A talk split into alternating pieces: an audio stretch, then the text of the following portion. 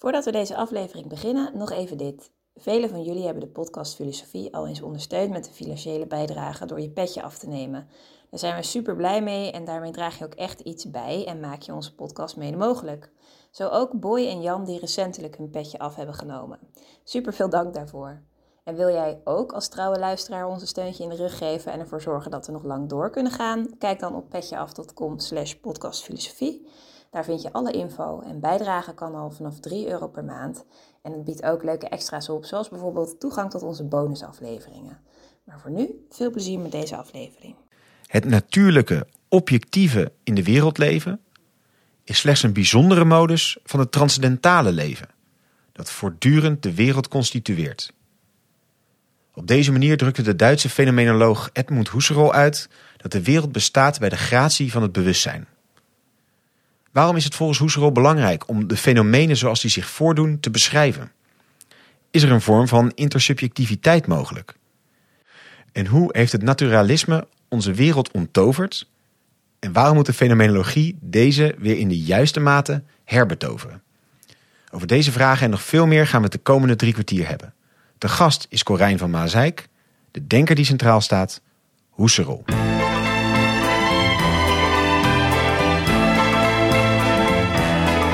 Vers les docks où le poids et l'ennui me courbent le dos. Ils arrivent Dag, goed dat je weer luistert naar een nieuwe aflevering van de podcast Filosofie van het Centre Erasme. School voor Filosofie in Frankrijk, Vlaanderen en Nederland. Mijn naam is Allard Amelink en het concept is wel bekend. 45 minuten lang duiken we in één filosoof met een hoofdgast, een presentator en een sidekick. En tegenover mij zit Jozef Vaanders. Goedenavond. Toch over een van jouw filosofische helden gaan we het vandaag hebben. Nou, held weet ik niet, maar we- wel één waar ik me ook wel enigszins in verdiept heb. Ja. Onder Ja. andere in eh, Leuven bij de Hoestel-archieven. Maar onze gast zal daar zo eh, meer over vertellen. Over de spannende verhalen die aan de Hoeschool archieven vastzitten. Vandaag de gast is eh, Corijn van Maasijk. Ehm, hij is universitair docent wijsbegeerte aan de Rijksuniversiteit Groningen. Hij promoveerde aan diezelfde universiteit en de KU Leuven. En in 2021 verscheen van zijn hand De Wereld als Verschijning, Fenomenologie in de 20e eeuw. En het boek gaat in op een hele reeks aan fenomenologen. Heidegger, Sartre, Merleau-Ponty, Scheler, Stein, Fink, Schutz, Levinas en Patočka. En gaat ook in op de grondlegger van de fenomenologie die we vandaag bespreken, Husserl. Corijn, mooi dat je er bent. Welkom in onze podcast. Dankjewel, goedenavond. En zoals je hoort zit nou, Corijn op afstand in Groningen, waar je werkzaam bent. Dus eh, vandaar dat we deze constructie hebben gekozen. En we gaan het nou dus hebben over Edmund Husserl, geboren in Prosnitz in 1859, het toenmalig Oostenrijk-Hongarije, nu Tsjechië. Eh Husserl studeerde eh, in Leipzig filosofie, wiskunde en natuurkunde. Hij promoveerde in de wiskunde en was verbonden aan achtereenvolgens dus de universiteiten van Halle, Göttingen en Freiburg. En hij is dus vooral bekend als grondlegger van de fenomenologie. En onder zijn assistenten waren onder meer Martin Heidegger en Edith Stein. In 1938 overleed hij in Freiburg en zijn archieven werden naar Leuven gesmokkeld door een priester. Omdat eh, zijn werk, ja, dat, om dat werk te redden uit de handen van de nazi's. Want eh, hoewel hij niet beleidend of praktiserend Jood was, was Husserl wel Jood. En dus bij de nazi's niet eh, in integratie. Ehm, en ja, zoals het dan gaat bij denkers, dan heb je zo'n een vroegere en een latere Husserl.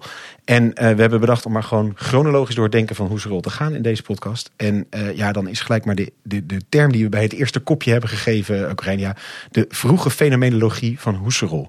Wat houdt die vroege fenomenologie in? Wat zijn daar de beginstappen van? Ja, goede vraag. Ehm, dus de, de vroege fenomenologie, dan denken we vooral aan de logische onderzoekingen. Dat is een tweedelig werk dat Husserl schreef in 1900-1901. Dus is inderdaad gepromoveerd in de wiskunde in de laat 19e eeuw. Hij is ook sterk beïnvloed in diezelfde periode door psychologen, eh, in het bijzonder Frans Brentano, was een Duits-Oostenrijks denker en zijn leermeester, die een, een soort eigenaardige vorm van psychologisch onderzoek probeerde op te zetten, ehm, waarbij je niet zozeer geïnteresseerd bent of eh, in, in extern observeerbaar gedrag, zoals bijvoorbeeld bij het behaviorisme, dat later bekend wordt in de 20e eeuw, ook niet zozeer experimenteel te werk gaat, maar eigenlijk juist uitgaat van het bewustzijn of de, de ervaringen precies zoals jij ze doormaakt. Dus het is een studie, zou je kunnen zeggen, van een soort psychologische studie eh, van subjectiviteit In plaats van van objectiviteit. Dus het gaat om de, echt om de eigen ervaringen zoals je ze zelf doormaakt. Het eerste persoonsperspectief zou je kunnen zeggen. En Brentano die pionierde met die aanpak. Hij noemde dat psychologie vanuit een empirisch standpunt. Zoals zijn hoofdwerk ook heet, uit 1874. Maar bij hedendaagse maatstaven is het niet heel erg empirisch. Het is eerder het tegenovergestelde, want het is eerder een soort van introspectie zou je kunnen zeggen. Nou, Husserl die, die publiceerde zijn logische onderzoekingen in 1900, 1901. En in de laatste twee boeken daarvan ontwikkelt hij wat hij dan descriptieve psychologie noemt. Dus beschrijvende psychologie. En dat is de psychologie in de, ruwweg in de traditie van Brentano. Dat is eigenlijk een soort van proto-fenomenologie. En dat is descriptieve psychologie. Ja, dus beschrijvende psychologie. Ja, ja precies. Ja. Ehm, en Brentano die wordt vandaag de dag vooral herinnerd en is ook nog steeds uh, heel populair, ook in meer theoretische philosophy of mind en psychologie, omwille van zijn intentionaliteitsbegrip. Dus dat heet intentionaliteit en dat heeft niets te maken met het hebben van intenties, zoals je misschien zou veronderstellen, maar met gericht zijn. Dus Brentano die meende dat al het bewustzijn en alleen het bewustzijn gekenmerkt wordt door gericht zijn. Dat wil zeggen dat het bewustzijn zelf eigenlijk niet zozeer iets is, niet zozeer eigen inhouden heeft, maar dat het altijd gericht is op iets anders, dat er altijd iets anders is waar het bewustzijn over gaat. Dus bijvoorbeeld, ik zie een stoel. Dan verhoudt mijn bewustzijn zich, is mijn bewustzijn intentioneel uh, gericht op een stoel. Maar ik kan ook een stoel herinneren. Ik kan ook aan een stoel denken. Ik kan fantaseren over een stoel. Uh, ik kan uh, een verlangen hebben naar een stoel enzovoort. Dus ik kan allerlei verschillende soorten, het bewustzijn kan allerlei verschillende soorten intentionele relaties aangaan tot de wereld. In brede zin van het woord.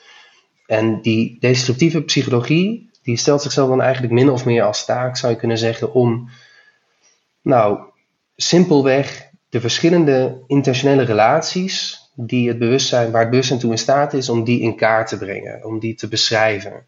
En daarom heet het dus ook descriptieve, dus beschrijvende psychologie, omdat we niet experimenteel te werk gaan, niet een ander bestuderen van buitenaf en kijken van nou, hoe, hoe, hoe, hoe, zou die, de, de psyche werken van buitenaf beschouwd, maar zuiver van, van binnenuit zou je kunnen zeggen beschouwd. En, en hoe pakt Hoeschel dat aan? Dat, dat doet hij ook door inderdaad in zijn eigen geest te kruipen of in zijn eigen bewustzijn te duiken en die verschillende vormen waar te nemen. Ja, zo zou je dat uh, kunnen zeggen. Het idee is eigenlijk dat je nu bijvoorbeeld een waarneming hebt van, van een tafel. Je hebt ook allerlei gedachten in de achtergrond. Je hoort ook dingen op de achtergrond. Dus er is altijd een, een heel scala aan fenomenen, aan gewaarwordingen waarmee jouw bewustzijn gevuld is, waar jouw bewustzijn dus een intentionele relatie tot bewerkstelligt. Um, en dat kun je beschrijven, is het idee. Door alleen maar te kijken naar je eigen ervaring. Is, is die eh, descriptieve psychologie een, een opmaat naar de fenomenologie? Of is dat, is dat al een, eigenlijk een, een vorm van. Zit hij hier al in de fenomenologie? Hoe, hoe zie je dat? is een goede vraag. Dus hoe ze ontwikkelt later, dus inderdaad zijn fenomenologie, wat hij dan transcendentale fenomenologie noemt. Um, en eigenlijk is wat hier gebeurt al een fundamenteel nieuw soort wetenschap, zou je kunnen zeggen. Namelijk niet een wetenschap van de stoel. Hè? Of, of de, de, de, de boom buiten mij qua fysisch object, qua organisch object enzovoorts. Dat zijn gewoon de objecten in de wereld zoals de wetenschap die bestudeert. Ook niet een studie van, van mijn brein en de neuronen daarin en hoe iets als een herinnering tot stand komt. Maar louter en alleen die subjectieve verhouding tot die zaken en hoe ze zich aan mij voordoen. Dus het is al een fundament. En dus ook in die gelaagdheid.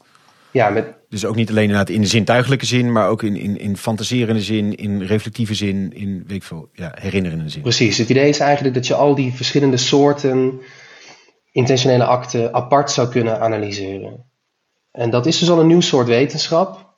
Um, en een, een soort van proto-fenomenologie zou je kunnen zeggen. Dus er verandert, er verandert een hoop in de, in de, de ontwikkeling van de transcendentale fenomenologie, die Husserl al vrij vroeg in de 20e eeuw voor zichzelf uh, als een soort van transformatie door begint te maken. En dan in 1913 publiceert hij Ideeën 1, waarin hij dat uh, aan de wereld toont. En dat veroorzaakt dan ook wel degelijk een soort van breuk in de fenomenologische traditie. Want er zijn allerlei andere uh, fenomenologen en volgelingen van Husserl en mensen met een eigen fenomenologisch onderzoek bezig zijn in deze periode. Um, dus, dus er is veel overlap. En Husserl zegt zelf wel dat die vroegere resultaten uit de logische onderzoekingen die beschrijvingen dus, dat je die wel kan overhevelen in het latere werk. Maar de betekenis ervan is, is veranderd. Maar en, en bijvoorbeeld al die beelden van, ik wil de tafel, is, is er dan in zijn denken ook een plek voor de, de tafel wel op zichzelf? Weet je, de, de ware tafel? Of zegt hij, ja, die, daar kun je gewoon niet over praten, of dat is niet relevant, of die bestaat niet? Welke plek neemt die echte tafel zich in, tussen aanhalingstekens? Beetje het Kantiaanse ding aan zich, ja, zeg maar. Heel goed, ja. nou, dat is een hele goede vraag. Dus de, dat, is, dat is waarom, die, waarom Husserls latere transcendentale fenomenologie niet door iedereen uh, ja, heel welkom ontvangen werd. Omdat de, uh, de vroege Husserl van de logische onderzoekingen zich eigenlijk helemaal niet druk maakt om die vraag. Dus wat is de tafel nu werkelijk? De tafel buiten mij is dan meer een navolging van Brentano, iets dat de wetenschappen bestuderen.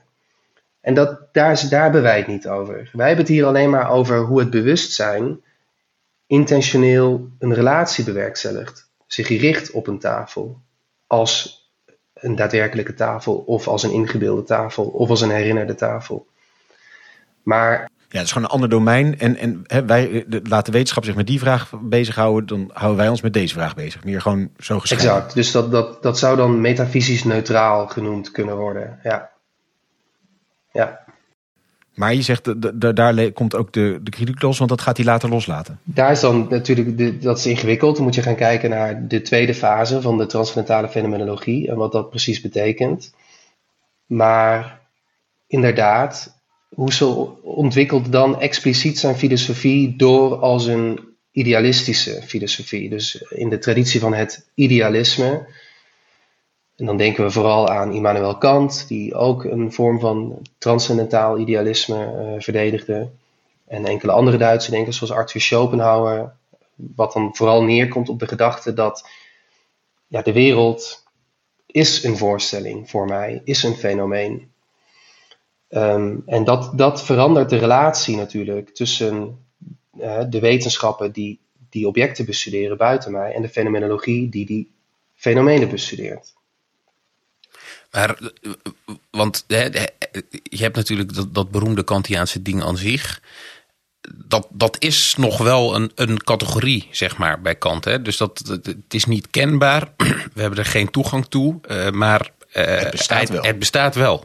Uh, hij denkt het niet, hoe zit dat bij Husserl? Dus het, het, het, is wel een soort gegevenheid. Zegt Husserl daar iets over? Daar zegt hij zeker iets over. Om het daar goed over te hebben, moeten we eigenlijk naar de tweede fase kijken, denk ik, van de transcendentale nou, fenomenologie. Mooi bruggetje.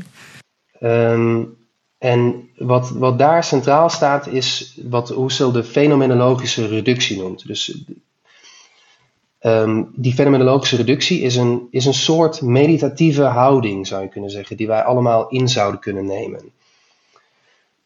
Dus normaal gesproken ervaar je natuurlijk van alles. Dus je hoort geluiden op de achtergrond en je voelt de sensaties van je voeten op de vloer terwijl je zit en je beweegt je lichaam. Je denkt aan allerlei dingen, je ziet van alles om je heen enzovoorts. Dus dat zijn volgens Husserl allemaal fenomenen, allemaal zaken die jij ervaart. En de fenomenologische reductie is dan een soort meditatieve houding die je aan moet nemen als fenomenologisch onderzoeker Waarbij je je eigenlijk simpelweg realiseert dat dit inderdaad allemaal fenomenen zijn. En je probeert je te richten op niets dan die fenomenen.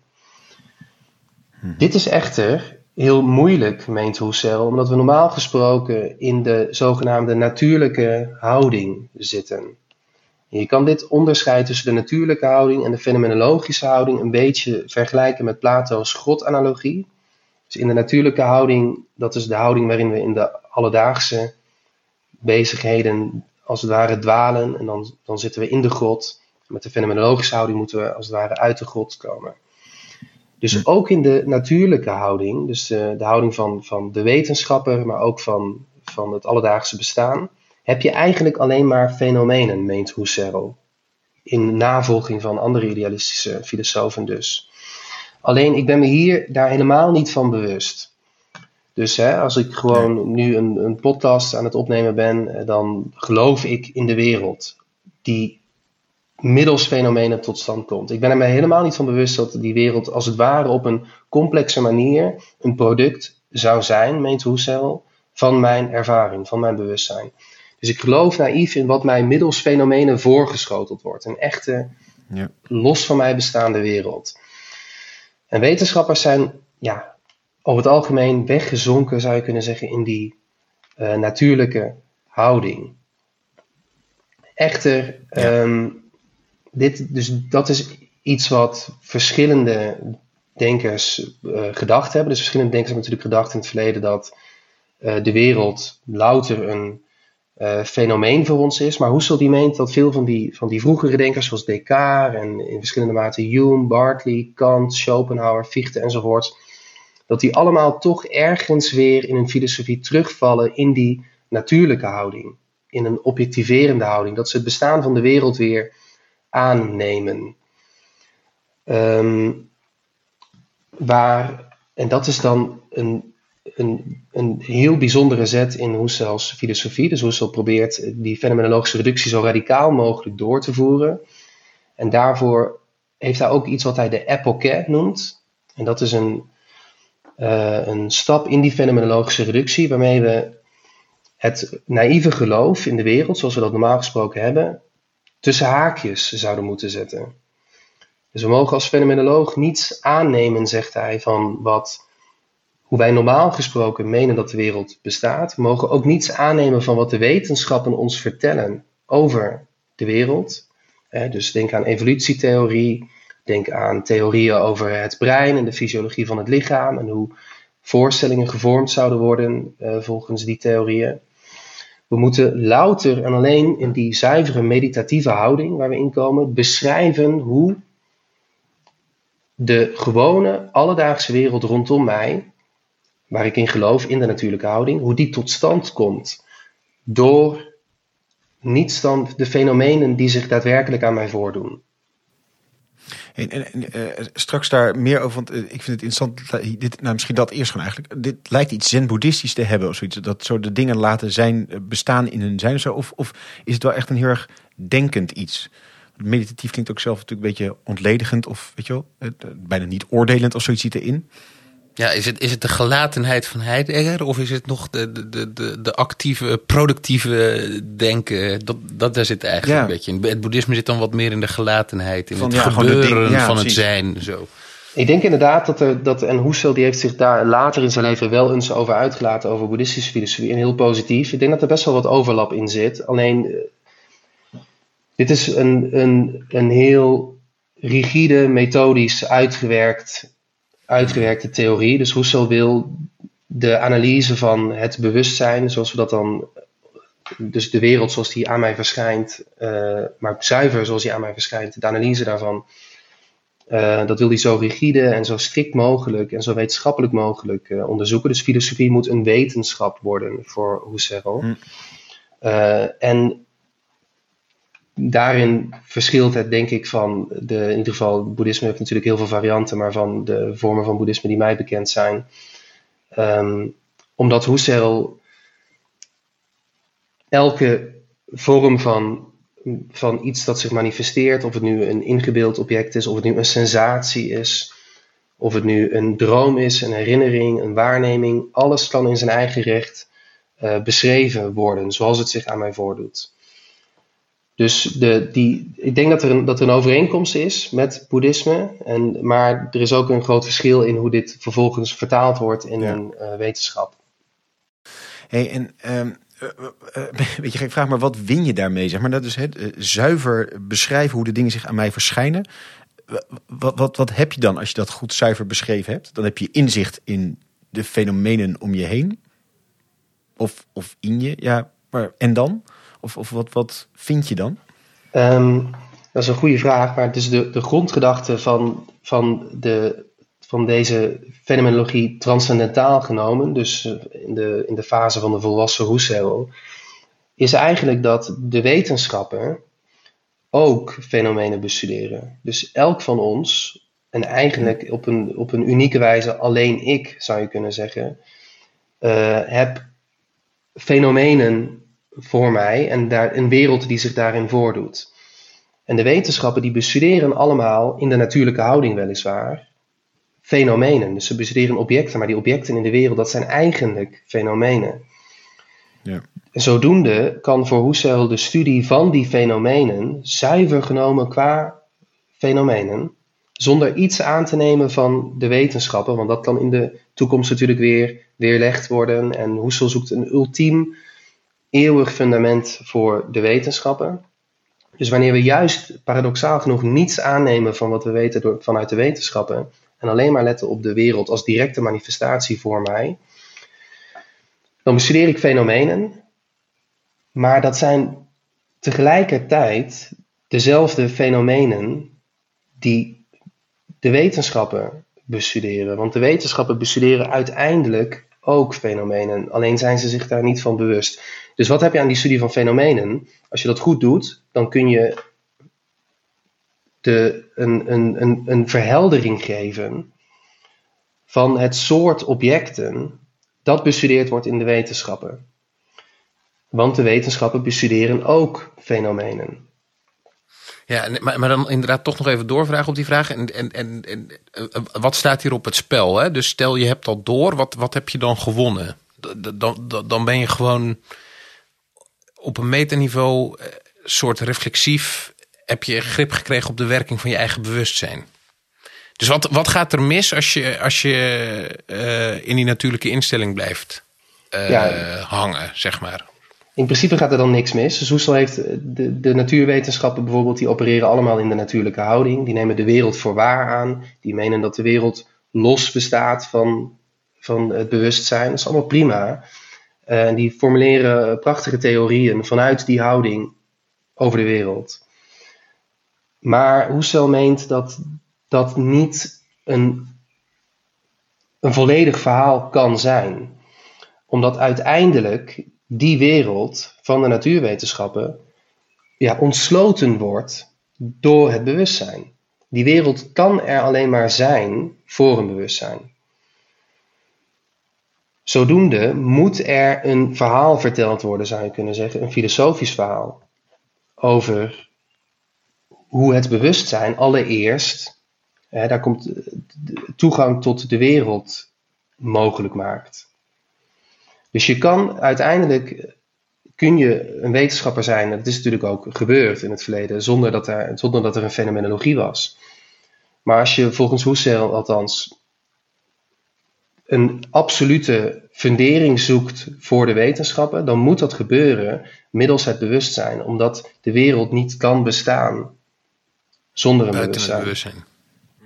Ja, dus je moet, het is haast een beetje het, het, de, uh, het fotopapier waar de foto op wordt afgedrukt. Je moet je goed bewust zijn wat dat papier dan is. Zo'n zo'n soort ding. Je kunt heel goed die wetenschap beoefenen. Maar als je niet realiseert met welk materiaal dat gebeurt, dan ga je nooit een waar fundament erin vinden.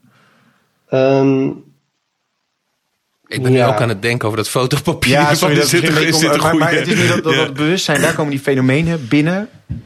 En daar moet je dus heel goed van bewust zijn hoe dat gelaagd is en hoe, hoe, hoe dat ja, en maar sterker nog, die fenomenen zijn er alleen door het bewustzijn. Dus die worden mede door het bewustzijn vormgegeven. Dus het is nog meer volgens mij dan een, een, een binnenkomen van. Het, het, het, het, ligt eraan ten grondslag aan de fenomenen. Die fenomenen oh. zouden er zonder dat bewustzijn helemaal niet zijn.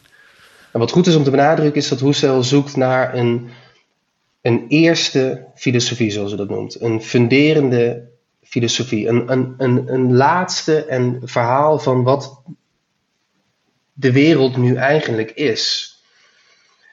En de wetenschappen die bestuderen de wereld, maar de wereld qua natuurlijk feit. Zoals hij los van ons zou bestaan, aangenomen dat de wereld er gewoon is. Maar dat is niet het laatste verhaal. Want uiteindelijk, meent Husserl, is die wereld een product van mijn bewustzijn. Vanuit allerlei fenomenen die zich aan mij voordoen, in die fenomenen wordt de wereld uh, kenbaar voor mij. Dus een, een, een pasgeboren baby heeft allerlei ervaringen, allerlei fenomenen, maar heeft nog niet een wereld daarin geconstitueerd. Dus er zijn allerlei processen waar een kind bijvoorbeeld doorheen gaat, alvorens het in een gedeelde objectieve wereld staat. Dus de objectieve wereld, daar, daar, daar als volwassen mensen nemen wij dat hè, for granted, nemen wij dat aan, dat die, dat, dat gewoon bestaat. En daar is op zich niks mis mee, want vanuit die houding kunnen we wetenschap bedrijven. Maar het is niet het En, en laatste leven verhaal. alledaags. Sorry? Ja. Ja, en, en, en kunnen we leven elke dag, zegt Jozef ook. Want anders zou de, de wereld dus inderdaad ook een soort ongefilterd, ongekaderde complexiteit hebben. Waardoor je ja, letterlijk je bed niet uit kan komen, zeg maar. Ja, precies. Ja, zie je, je kan niet alledaags leven van, vanuit het bewustzijn dat die wereld er misschien helemaal niet is, maar alleen maar door jou wordt geconstrueerd. Dus, dus eh, ook, ook in dat alledaagse bestaan moet je het bijna vanuit die natuurlijke instelling leven. Dat, dat was, eh, Zeker. Eh, Zeker. Dus je, je kan ook nooit. Je kan, het is niet de bedoeling, misschien dat dat in sommige boeddhistische bewegingen wel de bedoeling is, dat je een soort van transformatie ondergaat. Maar dat is, dat, die permanent is. Dat is hier niet de bedoeling. Dat kan ook niet. Dus je zal altijd weer terugvallen in de natuurlijke houding en de wereld voor waar aannemen. Dat is nu eenmaal hoe ons bewustzijn werkt. Ons bewustzijn produceert van nature dat geloof in die externe wereld. Maar hoe doet het dat? Dat is een vraag waar een wetenschapper weliswaar niet heel veel waarde aan hoeft te hechten, maar die wel voor de filosofie van absoluut belang is, omdat ja, voor, voor Husserl is dat de, de, eh, de, de, de laatste ultieme verklaring eigenlijk die je kan geven van ja, hoe de wereld allereerst tot stand komt en verschijnen kan aan het bewustzijn. Ja. En hier is natuurlijk. eh, Het, de- zoals we deze podcast nu opnemen, moet ik niet naar nu in die eh, ehm, eh, het, eh, fenomenologische reductie terechtkomen. Dan raak ik naar te snel de draad kwijt. Dus je moet naar er voorbij aan leven. Er is ook dus inderdaad een kant in dat jullie zijn slechts fenomenen die zich tot die, die, die, waar ik me van bewust ben. Dat jullie werkelijk bestaan, neem ik nu maar even aan. Maar als ik in een goede reductie terecht zou komen, zou ik dat ook betwisten. Kom je daar in, het, in dat solipsisme terecht van ja, de, de wereld bestaat slechts in mijn brein, de rest is allemaal een illusie. Ben je eigenlijk in je eentje een podcast aan het opnemen? En gaat ook nooit iemand, en gaat ook nooit iemand luisteren. Ja. Heb ik fictieve luisteraars. Of er mensen luisteren, dat, dat weet ik natuurlijk niet mee. Maar ehm, dat, dat is inderdaad natuurlijk eh, in zekere zin zo. Dus in zekere zin, als je die fenomenologische reductie uitvoert, dan hou je niets over dan de wereld zoals die aan jou verschijnt. Ehm, anderen verschijnen ook aan jou. Eh, en hoe- die, die meent merkwaardig genoeg dat de wereld eigenlijk, ook voordat jij die fenomenologische reductie ging doen, nooit meer was dan fenomeen voor jou. Dus voordat wij deze discussie openden over solipsisme, zat je in de natuurlijke houding, dacht je dat je met allemaal andere mensen rondliep op de aarde. En dat is prima, maar dat, zijn, dat is nog steeds allemaal iets wat zich afspeelt eh, in jouw ervaring, aan jouw bewustzijn gepresenteerd wordt. Dus Husserl meent eigenlijk, ja, in zekere zin is mijn bewustzijn de bron van de wereld op een bepaalde manier.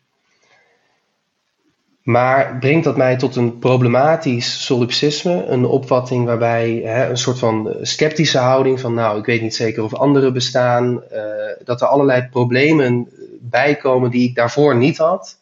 Daarvan zegt Husserl nee. Want het is nu eenmaal zo, zou hij zeggen, dat je alleen maar dat de wereld toegankelijk wordt gemaakt voor jou, door jouw bewustzijn. Uh, dus, dus wanneer je de fenomenologische reductie uitvoert, verlies je niet iets wat je daarvoor meende te hebben, want je had daarvoor ook alleen maar fenomenen.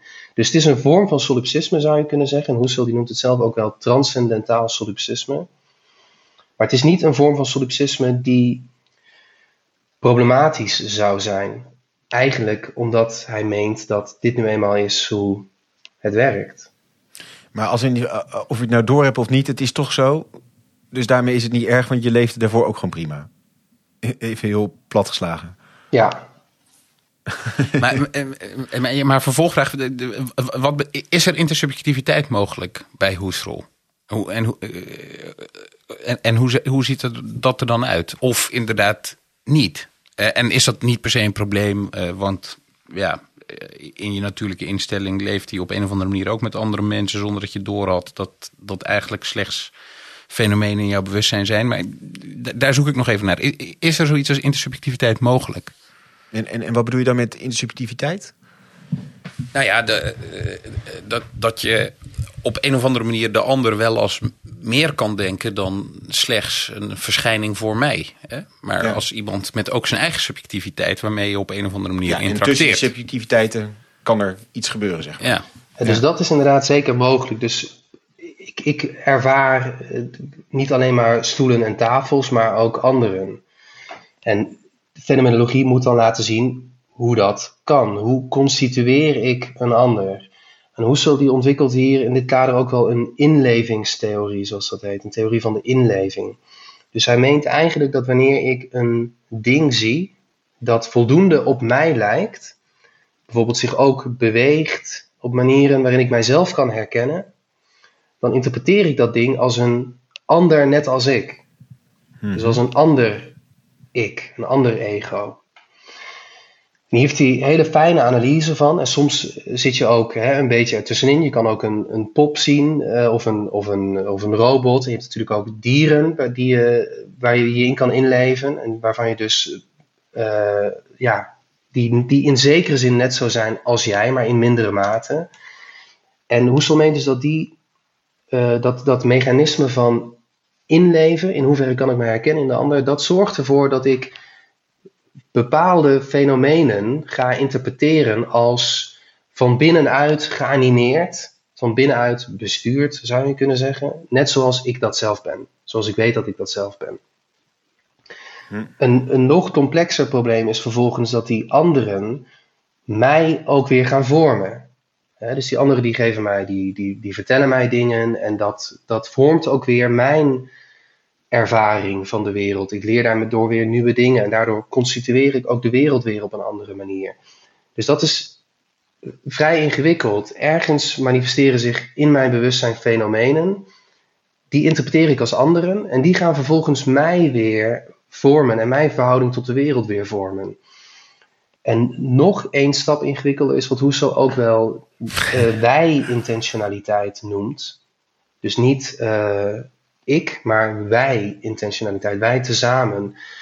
Dus, mm En dat is iets wat. wat een soort gemeenschappelijk bewustzijn. gemeenschappelijk bewustzijn. Het is iets wat, wat ook vandaag de dag heel uh, populair weer geworden is in theoretische filosofie en ook in ontwikkelingspsychologie. Dus het idee dat, en dat, dat is eigenlijk pervasief aanwezig. Dus ik zie een tafel, maar ik zie, Heidegger heeft het daar ook over. Hè? Dus een tafel is een object dat door anderen vervaardigd is. Het is ook een object dat anderen kunnen zien. En ik heb weet daarvan in mijn simpele waarneming van de tafel. Dus die, de perspectieven van anderen zijn altijd al inbesloten in mijn perspectief. Dus dat is een heel merkwaardige situatie die we dus hebben, waarbij we toch die fenomenologische reductie hebben uitgevoerd. Eigenlijk niets dan mijn toegang tot de wereld en mijn fenomenen overhouden, maar toch daarbinnen anderen hebben die ook mij weer vormen en een soort van samen, een soort van wij-perspectief hebben.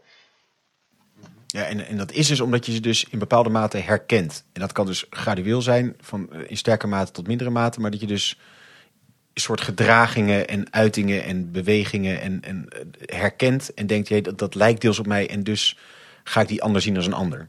Ja, heel globaal genomen in ieder geval is dat de theorie. Dus ik doe dat met een tafel niet. Maar wanneer ik een ander mens zie lopen, dan interpreteer ik die andere op basis van hè, dat, ik, dat ik mijzelf van binnenuit ken. Ik weet hoe ik mijn lichaam moet bewegen. Zie ik dat die ander net zo is als ik. Top. Hey, eh, volgens mij eh, naderen we nu ook dan de, de, de laatste fase in het denken van, van Husserl. Uh, we, hadden het over de verschillende fases door. we hadden er een beetje drie. En dat gaat over de crisis in de filosofie. inderdaad. Dus Husserl heeft aan het einde van zijn leven, dus dan even ter achtergrond, Husserl die gaat met pensioen eind jaren twintig. uh, stoomt Heidegger eigenlijk klaar om hem op te volgen. Heidegger, de welbekende existentiefilosoof. Um, Heidegger die keert Husserl heel snel de rug toe. Um, en zet helemaal niet Husserls project voor, zoals Husserl dat uh, verwacht had. Maar neemt juist stelling tegen uh, Husserl. En vervolgens natuurlijk ook nog op persoonlijk vlak, want Husserl was van Joodse afkomst. Heidegger sympathiseert met de nazi's enzovoort. Het is een heel uh, lastige geschiedenis tussen die twee. Husserl zit uiteindelijk in een soort van ballingschap, geïsoleerd in Duitsland krijgt nog wel een aanbod vanuit Californië om daar als professor aan de slag te gaan, maar hij blijft uh, desalniettemin in Duitsland.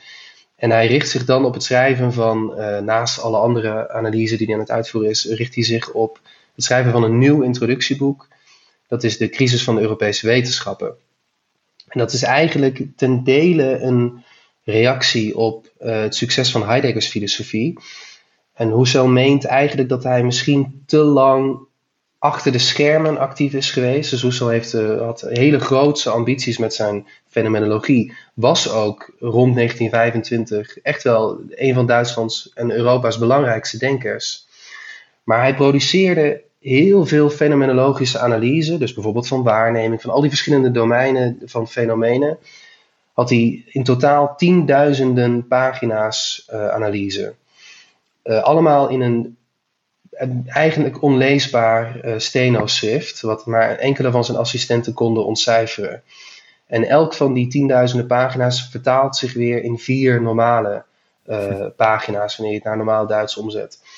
Dus Husserl heeft gigantisch veel achter de schermen geproduceerd en wordt niet goed begrepen, meent hij. En dus hij is heel erg uh, nerveus geworden aan het einde van zijn leven dat, dat het helemaal misgaat met de fenomenologie. En zodoende probeert hij in de crisis van de Europese wetenschappen aansluiting te zoeken bij toch ook een beetje die, uh, de, ja, de, nou, de, de zorgen die spelen in de maatschappij uh, in Duitsland. Namelijk, de, de, de, we zitten natuurlijk in een crisisperiode in de Weimar-republiek en met de opkomst van de NSDAP enzovoorts. Uh, dus Husserl is, probeert zijn fenomenologie in dat licht te plaatsen. Uh, en wat hij dan doet, is dat hij geeft een soort van analyse van de geschiedenis van de filosofie. In een poging om te laten zien hoe we in die crisis beland zijn. Dus de crisis is voor hem eigenlijk een crisis, de maatschappelijke crisis is voor hem eigenlijk in de wortel een crisis van de filosofie. Hm. Er is iets in de filosofie misgegaan. Dat komt doordat filosofen voor Husserl uh, ja, missionarissen zijn van de mensheid, zoals hij dat zegt in, in dat werk. Hm. Dus filosofen horen, de, horen richting te geven aan uh, het leven, aan de maatschappij, hm. aan, uh, aan politiek uiteindelijk ook. En alle dimensies van het praktische bestaan. Eigenlijk een typische verlichtingsopvatting zoals Kant die ook deelt. En, en als ze dat dus verkeerd doen, dan kom je dus in een crisis terecht. Exact. Dus Husserl meent dat er uh, vanaf de vroegmoderne tijd een filosofische ontwikkeling heeft plaatsgevonden. Waarbij er eigenlijk twee tegenstrijdige grondopvattingen ontwikkeld zijn over hoe we filosofie moeten bedrijven. Eén is naturalisme, de opvatting dat er alleen maar natuurlijke feiten bestaan, zoals dat eh, dus de, de natuurwetenschappen corresponderen daarmee. En daar wordt de wereld dus uiteindelijk ook gereduceerd tot materie of tot krachten. Daar is er geen plek voor bewustzijn, geen plek voor waarden, enzovoort. Dus ook iets wat we bijvoorbeeld bij, uh, wat, wat kan resulteren in nihilisme, zoals bij Nietzsche bijvoorbeeld. Um, en aan de andere kant, transcendentalisme. De opvatting dat niet-natuurlijke feiten absoluut zijn, maar dat je een, de wereld terug moet verankeren in bewustzijn. En dat is de traditie die met Descartes, met Descartes begint en zich doorontwikkelt via Kant en uiteindelijk bij Husserl zelf uitkomt. En Husserl meent dan dat zijn eigen fenomenologie eigenlijk de absolute eindvorm zou zijn van die strijd, van die dialectische strijd tussen die twee filosofische grondposities. En hij heeft dan misschien de wat de opgeblazen opvatting dat fenomenologie dan ook de redding zou kunnen zijn van de crisis waarin we in uh, Europa zitten in de, de, de de voordagen van de Tweede Wereldoorlog. Hey, en onderdeel, een onderdeel van die crisis, volgens, volgens mij een belangrijke term in, in, in dat crisisboek, is, is eh, de levenswelt. Hè? Dus de, de leefwereld. En, en het feit dat die steeds meer uit het zicht raakt of vergeten zou worden door de wetenschappen. Hoe, hoe, hoe zit dat precies? Wat, eh, wat, wat is dat voor term? Exact. Dus de levenswereld, inderdaad. Of de leefwereld, zou je kunnen zeggen. Dat is eh, inderdaad een van de belangrijkere termen van zijn latere denken. Ehm, en ook een term wat, wat overlap heeft met Heideggers begrip van het in de wereld zijn. Dus het gaat dan om de alledaagse manier waarop wij in de wereld staan. Hè? Waarin ik eh, geniet van een glas wijn, met andere mensen praat, eh, emoties heb, liefde ervaar, dingen als goed zie, dingen als slecht eh, beoordeel enzovoorts. Dus de wereld in de alledaagsheid is natuurlijk een, een bonte verschijning aan fenomenen, die, die ik allemaal van nature als, als echt aanneem. Nou, die leefwereld, die alledaagse leefwereld, die is in vergetelheid geraakt, meent Husserl, precies door die ontwikkeling, door die dominantie eigenlijk van die van de successen van de natuurwetenschappen en de naturalistische filosofie die daaruit voortgekomen is. Waarbij dus de wereld uitsluitend gezien wordt als dat wat in wiskundige taal gevat kan worden. Dus de natuurkundige wetenschappen zijn eigenlijk zo succesvol met hun wiskundige beschrijving van, van substanties in ruimte en tijd in de vroegmoderne periode, dat men dat veel filosofen in de vroegmoderne tijd en daarna tot de overtuiging komen dat dat wat we niet kunnen vatten in de wiskundige methode, dat dat niet echt is. Dus het bewustzijn kunnen we niet wiskundig beschrijven, is niet echt. Waarden kunnen we niet wiskundig vatten, is niet echt. Dus die, dat naturalisme, dat, reduceert, dat, dat, dat brengt een heel arm beeld teweeg van wat echt is. Uh, en daarmee raakt de alledaagse leefwereld uh, ja, in de vergetelheid. Ja. De, de socioloog Max Weber zei ook wel dat die ontwikkeling van de naturalistische filosofie en van de natuurwetenschappen, dat dat leidde tot de onttovering van de wereld. Een heel kil en kaal wereldbeeld. Zoals we dat dus bijvoorbeeld bij Nietzsche ook aantreffen. Dat is natuurlijk een bekend voorbeeld daarvan. Um, en het is een van de, denk ik, minder belichte um, ja, doelen. Echt een van de, toch een van de, van de hoofddoelen van de fenomenologische beweging rondom Husserl geweest. Om de wereld in de juiste mate te herbetoveren. Dus Husserl meent dat er is een bonte verscheidenheid aan fenomenen. De mens-wereldrelatie, de wereld zoals die zich aan ons voordoet, is veel meer dan alleen maar uh, natuurlijke feiten. Daar hoort ook in de leefwereld van alles en nog wat bij: emoties, gevoelens, waarden enzovoorts. Ook cultuurobjecten en kunstwerken enzovoorts. Dus de wereld is veel meer dan uh, een bundel uh, materie of krachten. Dus naturalisme zal altijd onvolledig zijn. En we, we moeten in de juiste mate uh, de, de verschijningen, uh, uh, of we moeten in, in de juiste mate de wereld herbetoveren en recht doen aan de, aan de verscheidenheid aan fenomenen die wij inderdaad kunnen ervaren.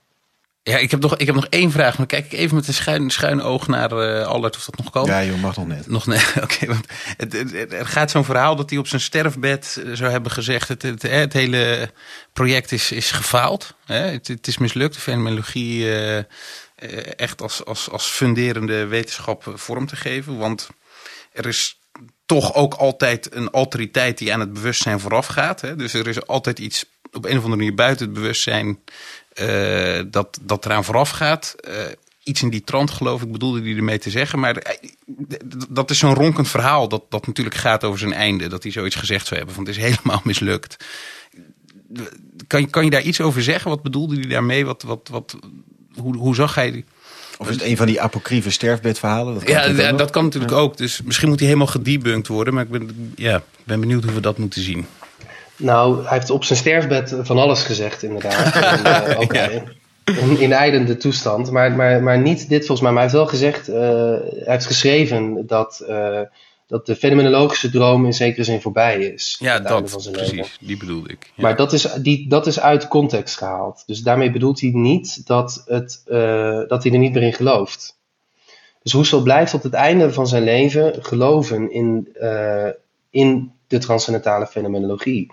Als de juiste eindvorm van eh, filosofie, namelijk eentje waarbij we niet speculeren, niet wilde theorieën verzinnen, niet onze allerlei ideeën verzinnen op basis van wat de wetenschappen ons vertellen, maar niets doen dan beschrijven hoe de wereld Mhm. zich aan mij voordoet op een eerlijke, Mhm. onbevooroordeelde manier. En Maar waarom is hij dan uitgedroomd? Waar, waarom zegt hij dan, ik, de, de, de droom is uitgedroomd? Omdat anderen dat onvoldoende hebben opgepikt? Dus hij gelooft zelf nog wel in het project, maar de mobiliserende kracht ervan is onvoldoende geweest. Is dat wat hij dan Ja, het, bedoelt? is, het is altijd uit context gehaald, ja, of niet altijd, maar dit- het wordt uit context gehaald. Dus hij bedoelt niet dat het niet meer mogelijk is, Mhm. maar hij is zich natuurlijk wel degelijk aan het einde van zijn leven van bewust eh, dat, eh, dat het niet gelopen is zoals het had moeten lopen, ja. Mhm. Maar dat is niet een, eh, daarmee wil hij niet zichzelf distancieren van zijn filosofie. Nou, mooi. Hey, dankjewel Corijn. Een eh, heel interessante podcast over, ja, ik, we hadden het even een beetje van tevoren over misschien wel de filosoof die we het meest hebben genoemd tot nu toe en waar we nog geen podcast over hadden gemaakt. Husserl. Ehm, we begonnen bij eh, eigenlijk ja, de psychologie bij Brentano. Een, een psycholoog nou, die keek naar niet gedragingen beschrijven, niet experimenten doen, maar echt naar de ervaringen kijken in de psychologie. Zoals jij ze doormaakt. De subjectiviteit een, een hele expliciete plek geeft. En door introspectie kom je daarbij terecht. En Husserl is daardoor geïnspireerd en komt dat met de zogenaamde descriptieve psychologie. Eigenlijk een soort proto-fenomenologie. En heel belangrijk is daar het intentionaliteitsbegrip in. En intentionali- intentionaliteit is nou niet van of je een intentie hebt tot iets, maar dat het een gericht heeft, een gerichtheid heeft. Het bewustzijn heeft een gerichtheid. Het bewustzijn is altijd gericht op iets anders. En dat is een hele gelaagde vorm van bewustzijn. Het gaat over het zien van een stoel, maar ook het herinneren van een stoel, het fantaseren over een stoel. En dat zijn allemaal soorten van intentionaliteit. Ehm, wat Husserl doet volgens is zeggen, ja, we moeten kijken om die intentionaliteiten in kaart te brengen. En dan zie je eigenlijk dat het een heel scala aan fenomenen is wat zich ja, in ons voordoet. En dat zijn allerlei intentionele relaties die je aangaat. En de sport wordt eigenlijk om dat goed te beschrijven. En daarmee creëert hij eigenlijk een soort nieuwe vorm van wetenschap. Het gaat niet over de boom en hoe we die goed moeten kennen als de boom, maar hoe doet de boom zich voor aan mij? En ehm, in die fase zegt hij dus ook, ja, ik spreek niet over de tafel of de boom, over die absolute categorieën, de ding aan zich van Kant. En hij zegt, ja, dat is voor de, de, de, de, de exactere wetenschappen. Ik richt me op die andere kant, namelijk hoe de dingen zich aan ons voordoen. Daar laat hij eigenlijk nog een beetje in het midden hoe hij kijkt naar of de tafel en de boom ook daadwerkelijk bestaat. Later verandert dat. We komen dan bij een tweede fase aan, waarin hij vervolgens met de fenomenologische reductie eigenlijk een soort ja, een, een meditatieve houding beschrijft die je kunt aannemen om je heel erg bewust te zijn van dat de zaken zich als fenomenen aan je voordoen.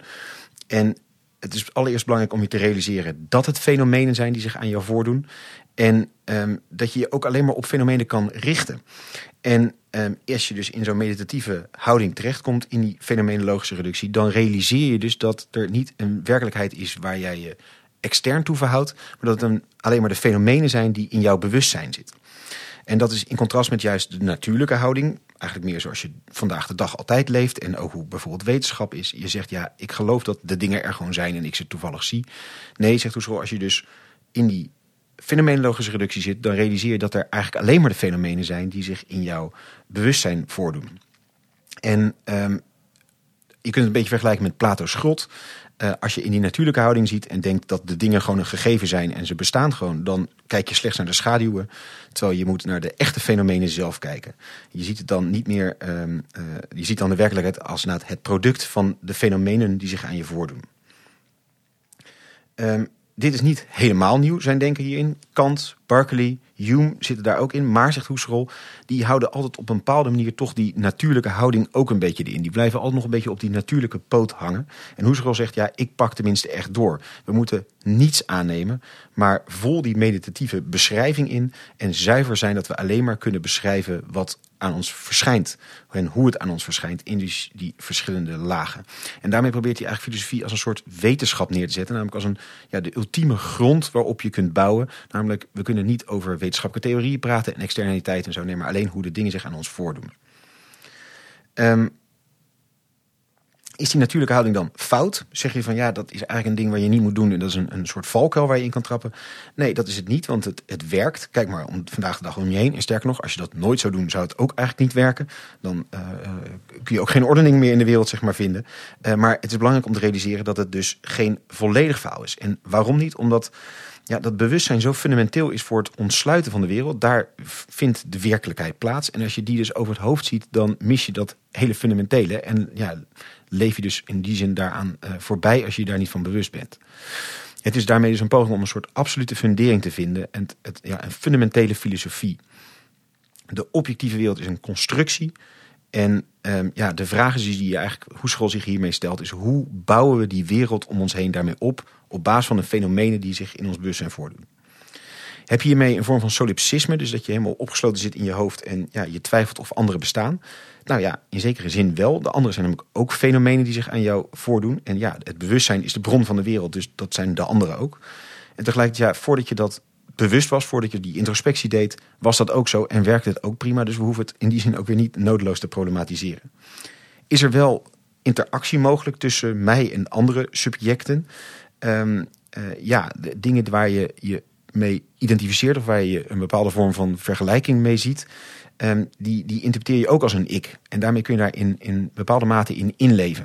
En dat zie je in wisselende mate, een ander mens tot dieren, tot ik wil, een pop. En um, ja, hoe meer dat iemand op je lijkt, of iets op je lijkt, een fenomeen op je lijkt, hoe meer je die dingen ook gaat zien als geanimeerd. Vervolgens kunnen die dingen zich ook weer aan jou vormend voordoen, omdat ze als een fenomeen zich tot jou verhouden, vormt jou ook weer. En zo kan er ook wel een vorm van wij-intentionaliteit ontstaan. Dat je dus toch een soort verbondenheid hebt met die andere subjecten die slechts zich als fenomenen aan je voordoen. Dan de vervolgstap, derde fase is een beetje richting het einde van het leven van Husserl. Hij kijkt dan naar ja, een beetje wat er gebeurd is met zijn fenomenologische project. Er zit een crisis ook met Heidegger bij. En um, dan schrijft Husserl het boek Crisis van de Europese wetenschappen, omdat hij namelijk ziet dat de wereld rondom hem, we zitten dan in de jaren 2030 in Duitsland, ja, dat de wereld helemaal spaak loopt. En hij zegt, ja, we moeten eigenlijk naar de geschiedenis van de filosofie kijken om de hedendaagse crisis te kunnen begrijpen. Filosofen zijn de missionarissen van de maatschappij, dus uh, ja, die hebben ons de verkeerde kant op gestuurd doordat het denken verkeerd was en daarom zijn we in deze crisissen terechtgekomen. En welke tendentie die daar nou in. Hij zegt ja, in de vroegmoderne tijd zie je een splitsing tussen het naturalisme opkomen en het transcendentalisme. En dat naturalisme, uh, wat wij vooral ook heel vandaag de dag natuurlijk veel zien over uh, exacte wetenschappen, dat reduceert alles tot harde, tastbare atomen. En uh, ja, daar is eigenlijk geen plek voor bewustzijn, voor waarde. Uh, en daar krijg je een hele kille wereld van. Uh, met Nietzsche als een, als een ultiem voorbeeld, waar ook dus geen moraal meer is, et cetera. Daartegenover zit dus dat transcendentalisme, Kant, Descartes, hij zet zichzelf ook in die lijn en zegt ja, daar moeten we eigenlijk mee de wereld proberen te redden. En daarbij is de leefwereld een heel belangrijk principe. We zijn in de wereld, we hebben een alledaags leven waarin we ook dingen waarderen, dingen, van, dingen genieten, waarin we ons met anderen verhouden. En doordat we zo in dat naturalisme zijn gaan zitten, is die wereld eigenlijk uit beeld verdwenen. Door die hele wetenschappelijke ontwikkeling, die goed werkt in zekere zin, maar ja, daarmee dus ook hele belangrijke zaken allemaal uit de wereld drijft. En dat maakt een hele arme wereld. Kijk dan naar Max Weber, die heeft het over daarmee die beweging, de onttovering noemt hij dat. En eigenlijk kun je zeggen dat dus uh, een doel van de fenomenologie is ook die in juiste mate herbetoveren van de wereld. Um, een complexe podcast, denk ik, maar wel een hele fundamentele. Uh, want ja, dit denken werkt natuurlijk enorm door in de rest van de 20e eeuw. En we horen denk ik ook vooral bij dit laatste bijvoorbeeld hoe enorm actueel het is. En dus heel hartelijk dank Corijn voor een super interessant uh, verhaal. En uh, volgens mij uiteindelijk hele heldere uitleg van een hele complexe denker. Dankjewel Jozef. En natuurlijk vooral ook jij heel hartelijk dank voor het luisteren. Jullie doen dat in grote getalen en dat waarderen we zeer. En deel deze aflevering vooral ook met anderen als je denkt dat ze ze zullen waarderen. En heel graag weer tot een volgende keer. Emmenez-moi au bout de la terre, emmenez-moi au pays des merveilles. Il me semble que